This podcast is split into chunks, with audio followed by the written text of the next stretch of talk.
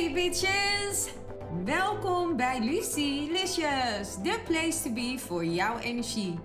Mijn naam is Lucille en in deze podcast gaan we het hebben over jouw sterrenteken en welke energie je kan verwachten voor deze week. Are you ready? Let's go!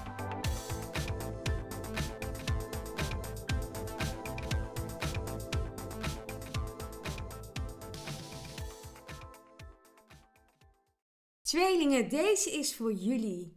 Voor de trouwe luisteraars, welkom terug. En voor de nieuwe luisteraars, wat leuk dat jullie luisteren naar mijn podcast Lucy Licious. We gaan gelijk beginnen. Ik heb er super veel zin in en ik hoop jullie ook.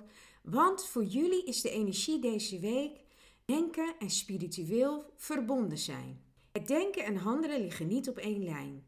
Dit mag gaan samensmelten in jouw realiteit. De woorden die je uitspreekt hebben heel veel kracht. Let hierop. De kleur van de week is smaragd. Zoals water stroomt, zo horen je geest en handelen ook met elkaar te stromen.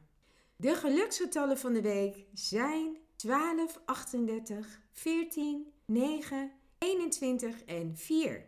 Dan kom ik bij de boodschap van de week en die luidt: Je bent heel ver betreft de wet van de aantrekking. Je mag je nu bewust gaan worden van hoe het werkt. Dit uitzicht in de realiteit, tweelingen.